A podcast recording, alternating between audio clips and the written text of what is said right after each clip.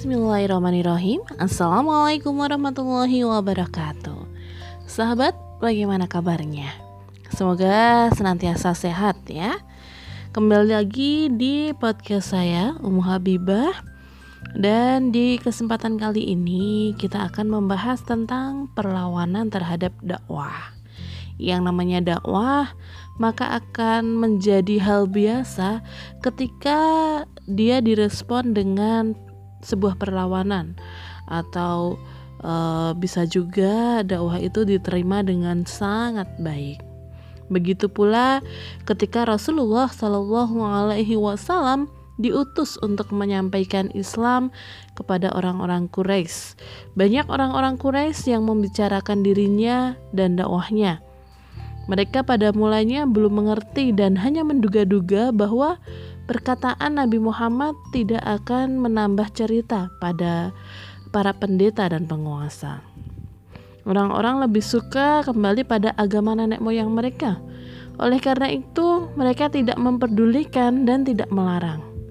Sewaktu Nabi Muhammad lewat di majelis mereka, maka mereka akan mengatakan, "Inilah putra Abdul Muthalib yang mengatakan suatu perkataan dari langit." Perlakuan semacam ini terus berlangsung hingga batas waktu yang tertentu. Namun, ketika dakwah Rasulullah berjalan cukup lama dan mulai mereka mulai merasakan bahaya terhadap dakwah yang dilakukan oleh Rasulullah. Kemudian orang-orang Arab berkumpul untuk menentang, memusuhi dan memerangi Rasulullah. Mereka memandang bahwa perlu untuk memerangi dakwahnya Rasulullah dengan berbagai tekanan dan mendustakan kenabiannya. Mereka kemudian mengajukan berbagai pertanyaan kepadanya tentang mukjizat yang menjadi penguat risalahnya. Sungguh, apa yang dilakukan Muhammad itu tidak masuk akal, cerca mereka.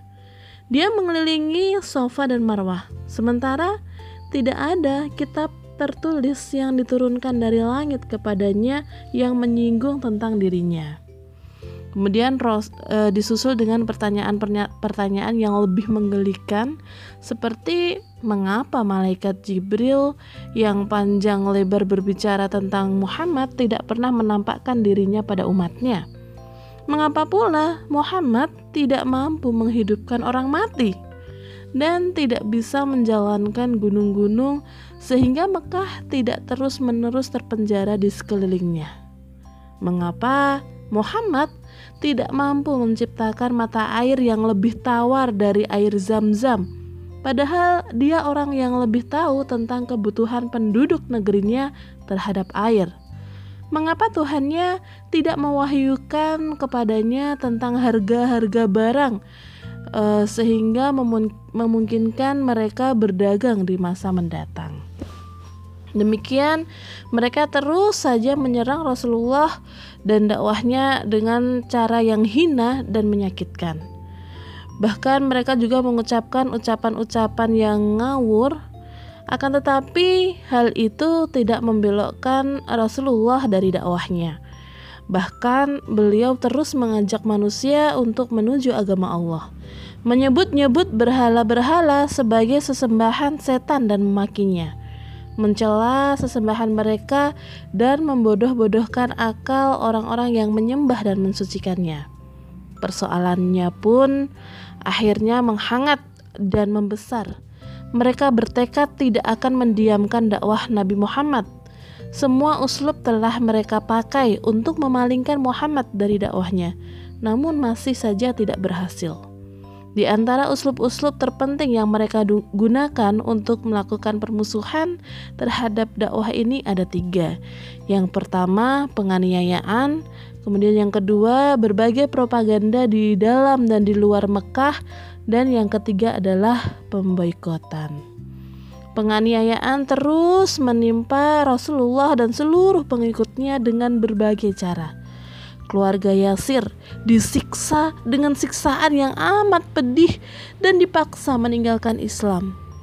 Siksaan itu namun tidak berpengaruh sedikit pun pada keluarga ini kecuali mereka tetap pada keimanannya dengan kokoh. Sewaktu mereka menyiksa keluarga Yasir, Rasulullah lewat di depan mereka seraya memberikan kabar gembira. Sabarlah wahai keluarga Yasir, sesungguhnya tempat yang dijanjikan kepada kalian adalah surga. Sesungguhnya aku tidak memiliki apa pun dari Allah untuk kalian. Rasulullah mengatakan kepada mereka bahwa tempat yang dijanjikan untuk mereka adalah surga. Maka tidak ada yang dilakukan Sumayyah istri Yasir kecuali berkata, Sesungguhnya aku melihatnya dengan jelas wahai Rasulullah. Seperti itulah siksaan yang dilancarkan kaum kaum kafir Quraisy secara terus-menerus terhadap Nabi dan para sahabatnya. Ketika kaum kafir menyadari bahwa perlawanan terhadap dakwah dengan menggunakan cara ini tidak membawa hasil, maka mereka pun mencari cara lain yaitu dengan se uh, senjata propaganda memusuhi Islam dan kaum muslimin di mana-mana, baik di kota Mekah maupun di luar Mekah. Seperti di Habasyah, mereka menggunakan berbagai macam alat propaganda dengan segala bentuknya, seperti dengan berdebat, menggugat, mencaci, melemparkan berbagai macam isu atau tuduhan. Propaganda yang mereka gunakan diarahkan untuk menentang akidah Islam dan penganutnya, membusuk-busukkan isinya dan menghina esen esensinya. Mereka membohongi Rasul dan menyiapkan semua kata-kata yang ditunjukkan untuk propaganda memusuhi Nabi Muhammad, baik di Mekah maupun di luar kota Mekah, terutama propaganda di musim haji mengingat betapa pentingnya propaganda memusuhi Rasul bagi kaum kafir Quraisy. Maka sekelompok orang dari mereka berkumpul di rumah Walid bin Mughirah. Di rumah itu mereka kemudian bermusyawarah tentang pemberian predikat yang paling tepat bagi Nabi Muhammad yang akan diopenikan kepada orang-orang Arab yang datang ke Mekah di musim haji. Sebagian dari mereka mengusulkan untuk mengecap Nabi Muhammad sebagai seorang dukun. Namun Walid menolaknya seraya mengatakan bahwa Muhammad tidak memiliki ciri-ciri seperti dukun dan tidak pernah dituduh sebagai seorang dukun. Kemudian ada yang mengusulkan agar menanamkan keyakinan pada jamaah haji bahwa Muhammad adalah orang gila. Usulan ini pun ditolak oleh Walid karena tidak satu pun tanda-tanda yang menunjukkan bahwa Muhammad itu gila. Kemudian sebagian lagi mengusulkan mencap Muhammad sebagai tukang sihir. Usulan ini juga ditolak oleh Walid karena kenyataannya Muhammad tidak pernah meniupkan mantra-mantra sihir yang biasa dihembuskan pada buhul-buhul tali. Juga tidak pernah mendatangi orang-orang yang menggunakan sihir hati dan pikiran mereka menemui jalan buntu. Namun setelah terjadi perdebatan yang sengit di antara mereka, akhirnya mereka menyepakati untuk mencap Muhammad sebagai tukang sihir yang ungkapan-ungkapannya dapat menarik perhatian orang. Mereka memegang teguh hasil kesepakatan ini, kemudian peserta rapat bubar, keluar, dan menyebarkan di antara para utusan haji dari suku-suku Arab. Di tengah-tengah suku Arab yang datang ke kota Mekah, kafir Quraisy melontarkan propaganda kotor dan memperingatkan mereka supaya berhati-hati pada ucapan-ucapan Muhammad. Mereka dipengaruhi supaya tidak mendengarkan omongan Muhammad karena dia seorang penyihir yang ungkapan-ungkapan yang diungkapkannya sangat berbahaya. Apa yang dikatakannya adalah sihir yang mampu memisahkan antara saudara, ibu, ayah, suami, dan keluarganya. Mereka juga menakut-nakuti orang yang hendak mendengarkan Muhammad dengan mengatakan bahwa Muhammad akan menyihirnya lalu memisahkan dirinya dari keluarganya. Meskipun demikian, propaganda-propaganda ini tidak membawa hasil apa-apa dan juga tidak mampu menghalangi atau memisahkan manusia dan dakwah Islam. Mereka kesal, kemudian mereka pergi kepada seorang bernama Nazir bin Al-Harits. Di hadapannya mereka memprovokasi agar Nadir memusuhi Muhammad Kemudian Nadir terpengaruh dan hatinya bulat untuk memusuhi Rasulullah.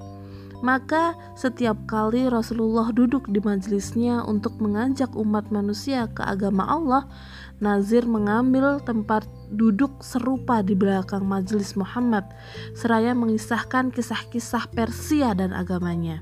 Dia mengatakan, dengan apa Muhammad menceritakan sesuatu yang lebih baik dari kisahku?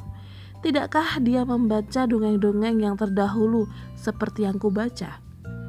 Kemudian kaum Quraisy pun mengambil kisah-kisah ini dan menyebarkannya di tengah-tengah masyarakat. Mereka melontarkan isu yang mengatakan bahwa apa yang dikatakan Muhammad tidak lain adalah ajaran yang pernah disampaikan oleh seorang pemuda uh, tanggung Nasrani yang bernama Jabir.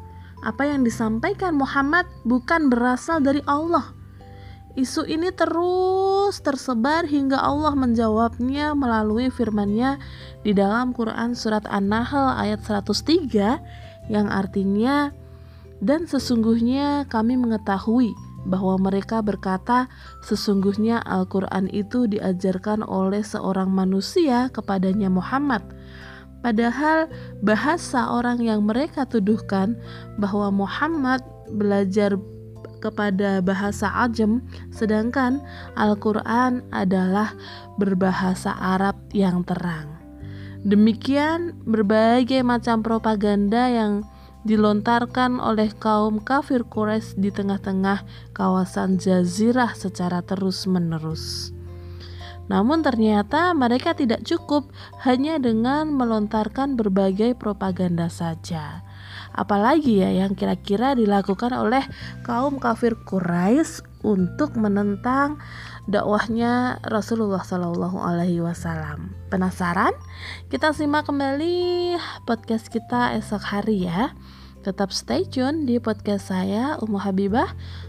Wassalamualaikum warahmatullahi wabarakatuh. Terima kasih.